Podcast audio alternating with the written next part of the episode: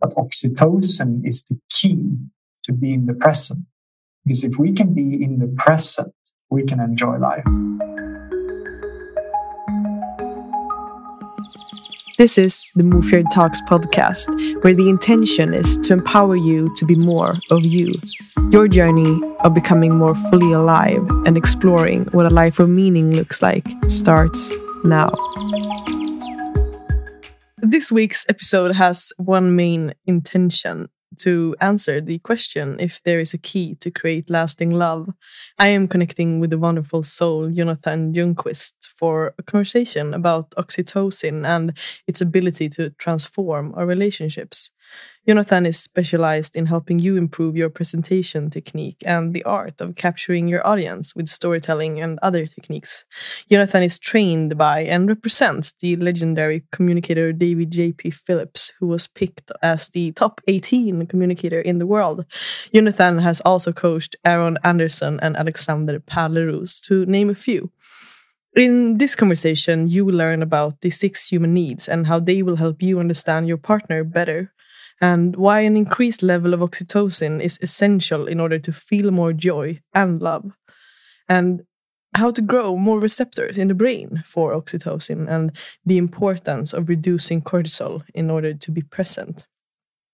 We also cover how your environment affects your levels of oxytocin.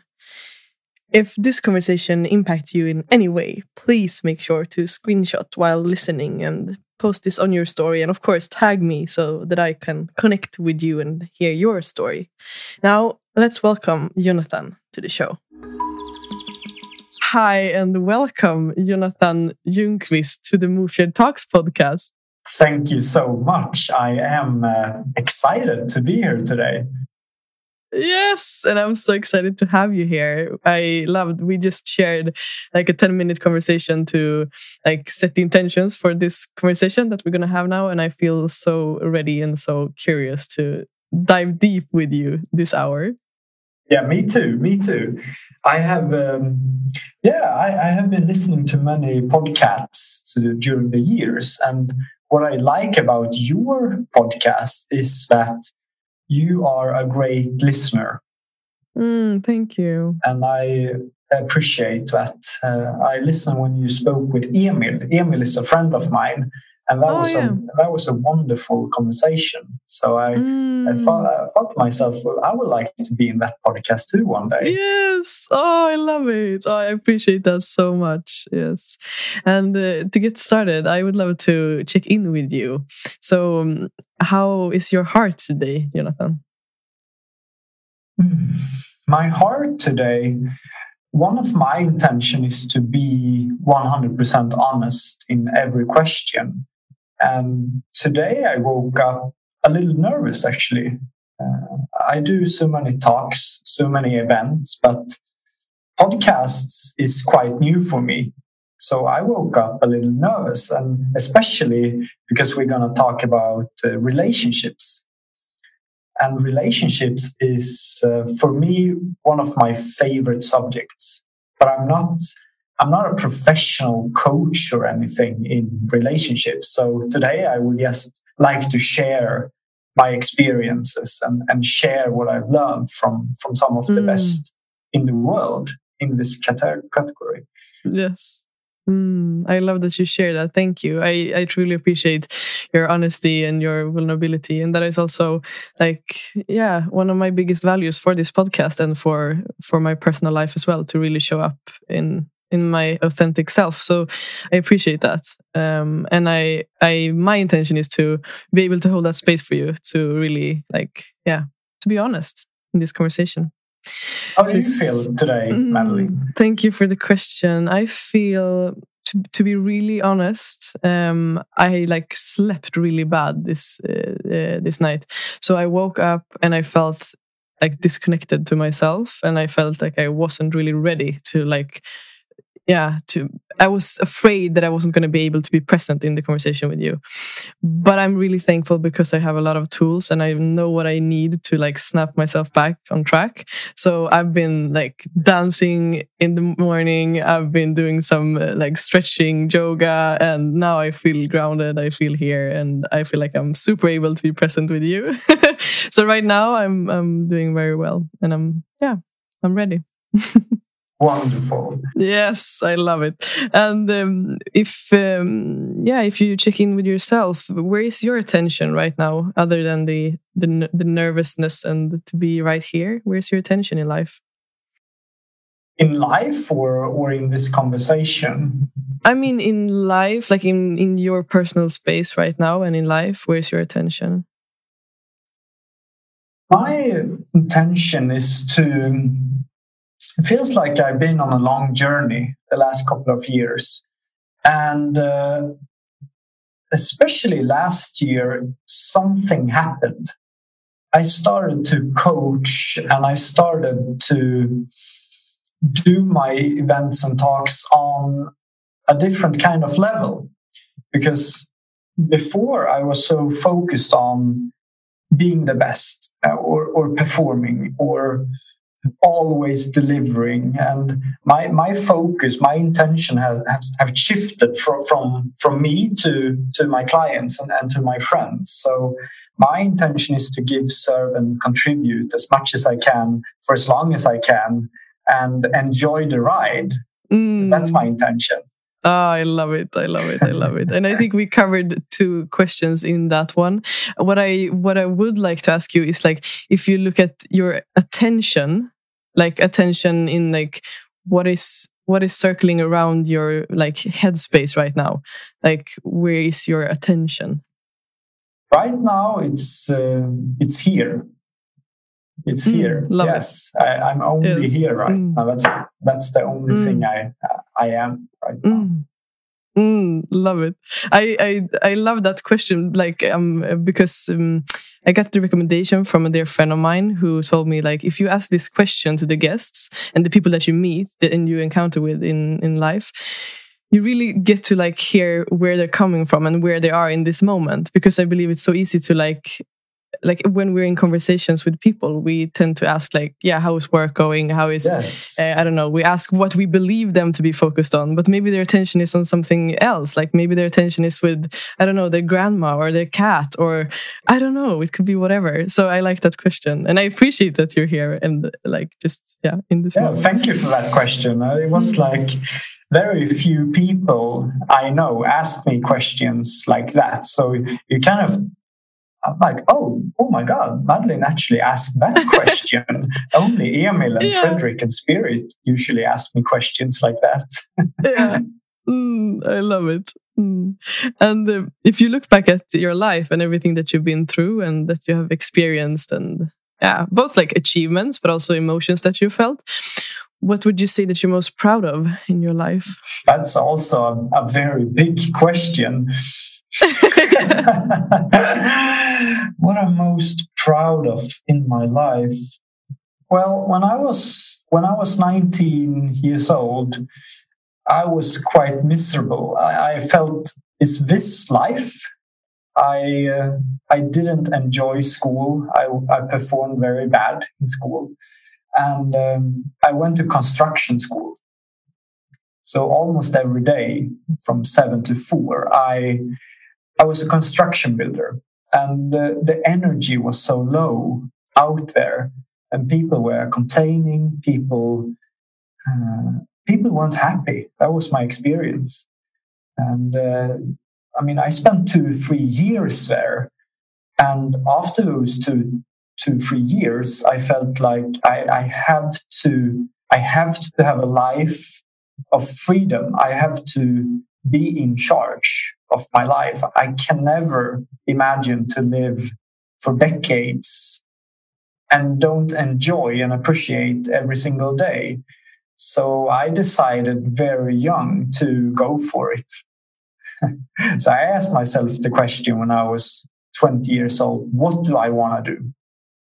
What do I want to do? And what popped up in my head was I want to ride a bicycle to Africa. Uh, I want to experience life. I want to have five, six months of adventure. And hopefully, during that ride, I would find myself and what I want to do for the rest of my life. But I need a break. And I'm so proud over allowing myself to have that break and to do that journey. that was one of the best experiences I ever had in my entire life. And I learned more there than I ever done in school. And I did it.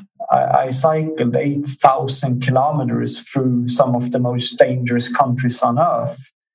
But I did it. And that's where I found personal development. I started to read books. I started to study the masters on that trip, uh, especially Dale Carnegie, uh, how to stop mm. worrying and start living. So I, uh, yes, yes, I was there in Sudan. I was so worried about like car, about lions, about everything. But I read that book over and over and over again.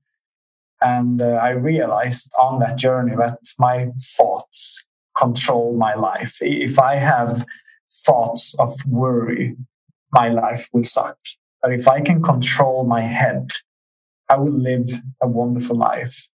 Uh, and I meet so many people who they're so young, 19, 20, and they say, I'm going to become a lawyer, lawyer. I, I will become a doctor. I, I will become a business or, but allowing yourself to give space uh, to understand who who am I or, or what do I want to and, mm. and have a couple of months that I'm proud of. Wow. And what would you say was your biggest like takeaway or insight from that uh, journey, that trip? The biggest insight was so many insights. mm. Just the biggest insight was in, in Ethiopia. Um, it seemed like people hated me I, I, didn't feel welcome in, in Ethiopia. People throwed rocks at us and screaming at us, and it was cold and it was like um, very, very rough. And I had malaria too, so I was bitten by mosquitoes. And uh, for three weeks, I was at um, this hotel close to a hospital in Ethiopia. And for three weeks, I was I I I almost thought I was going to die, uh, but I was too proud to quit. I had no basically no money left, and um, life was uh, very difficult there. But I remember one evening I said, Jonathan, if, if you can if you can go through this, if you can pull through malaria, Ethiopia, 1,000 kilometers of this environment, if you can go through this, you can go through anything in your life. And I did. And not many events in my life can be compared to the time I spent in Ethiopia. And for me, it was like, I can go through anything if I have the right mindset. And that's why we did the world record attempt in Australia, crossing Australia on a pair of roller skis, and we trekked across India, and we we did so many expeditions. But I, I became an expert in having a fear in me and go over it.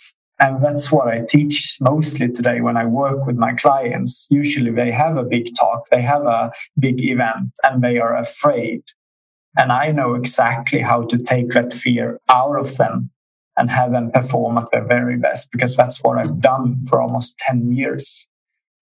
Sorry mm, for that long answer. No, no, no, no need to say sorry. I love long answers. that's where the that's where the value and the insights are. I'm curious though, like how how because I mean, there's so many answers. I believe to how to over, overcome fear. What are some uh, tools and tactics that you use to overcome fear in your life and with your clients, of course? To, to focus. I actually learned this from Tony Robbins. Has been a great inspiration for me. And I love his um, RPM. And when I feel a fear, I focus on the outcome I want. So, so, today when I woke up, I felt, oh my God, I will talk about relationship today in a podcast. Um, that's going to be scary. Um, and then I was like, what, what do I want to achieve with this conversation? What, what do I really want? Well, I want to give everything I know about relationship, everything, every skills and tools I know. I want to give it to couples who are having the problems Amanda and I had a couple of years ago. And when I identify what I want, I ask myself, why? Why do I want that? Well, because it doesn't matter how successful you are in life. If, if you have a friction in your relationship, life is going to suck. And, and I know that I've used skills and tools that helped us.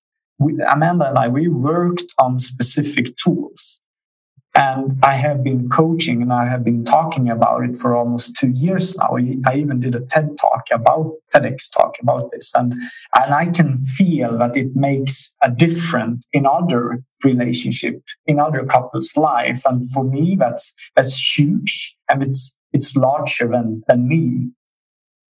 Mm, yes. Mm, so you sort of connect the the intention, the outcome, and the yeah. why all together, and that's where the fear disappears. Yes. Mm. So, so in Africa, in Ethiopia, I when I had malaria, and uh, and the doctor said, Jonathan, you uh, this is actually life threatening. You you can die. We think you should go home. Mm. but I couldn't do it because the outcome was to do this charity project for these children.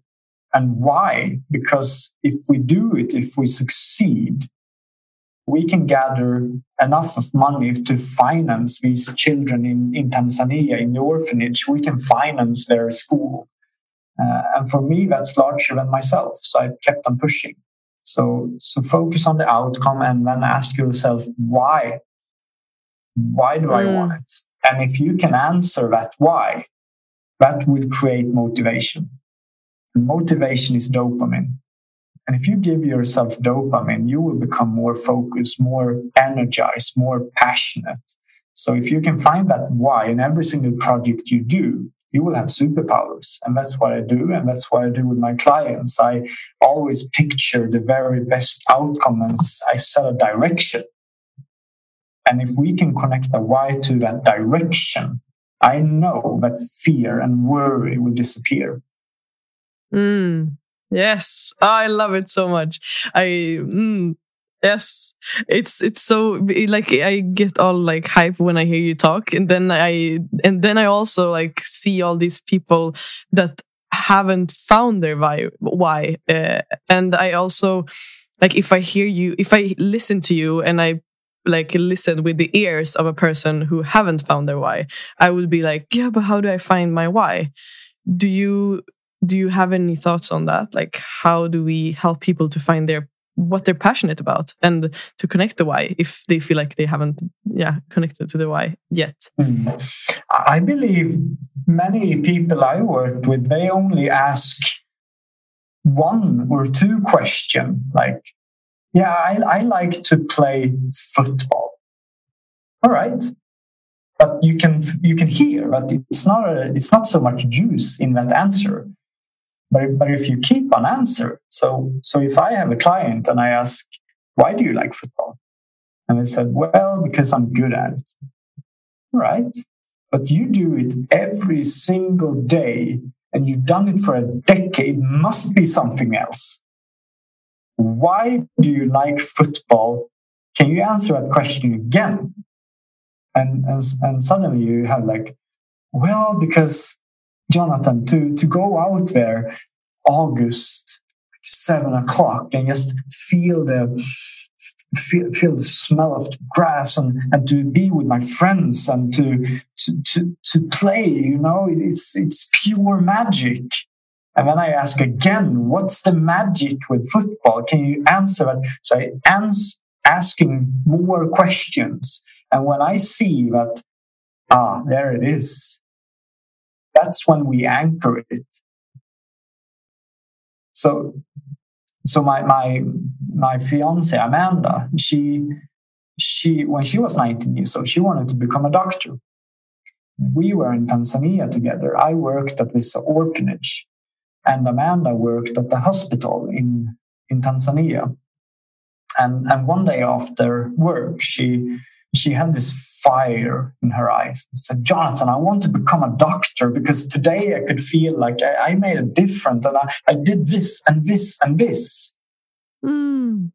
But after seven years of medical training, that's that's so hard. It's stressful, and you have these exams and and during this road for Amanda, she kind of lost the the passion for for becoming a doctor. And, and Amanda really had to ask the question over why did I started out this journey? Well, because I found something in Africa. What did you find? Well, this day when I helped these children at the hospital, that made me feel this. What did you feel? So you ask more questions until mm, you feel it. Mm, because knowing your why is one thing, but if you can feel it, you know you have it. And if you don't feel it, try something else. Instead of like, yeah, but I, I am a lawyer. And if you can't find this, but try something else until you find something that creates this.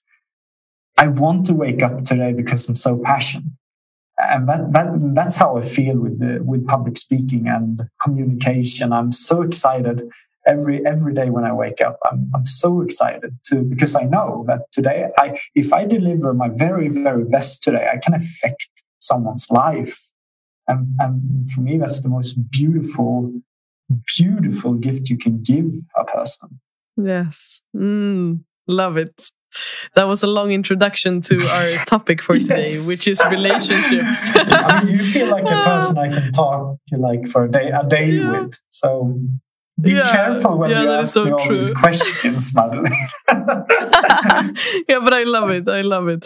Yeah. So the intention for this conversation is uh, is to dive deeper into uh, like the key on how to create more lasting lasting love. I, I assume, um, and to yeah to create more meaningful relationships as well. And um, I've been listening to your TEDx talk and I find it so inspiring and filled with so much value. Um, so, to me, I would like to hear for the pe- the people who are listening who haven't watched your TEDx talk yet, um, which they will after this podcast episode. um, what is the? Would you like to start by telling us what the Oxytocin project is? Yes, uh, of course. Is it okay if I kind of give you the background first, why we did it? Yes, of course. Mm, yes, I love that. And uh, okay, it was. Um, I, I, I lived this life when, when I decided to to become a professional adventurer when I was 20 years old. Everything happened so quickly. I mean, I was I was not that famous. That's not what I'm saying, but for me, it happened very quickly, and suddenly, I worked as a public speaker, and magazines called, and I was doing TV productions, and it happened too fast for me. So, at the beginning of my relationship with Amanda, we've been together for 11 years. The first couple of years was just wonderful. But it was every time I saw Amanda, it was like I told this in, in, in my TEDx talk. It was like my heart was melting, and I felt I felt so blessed because she she's the it's it's something with Amanda. She she has this energy, this this energy, this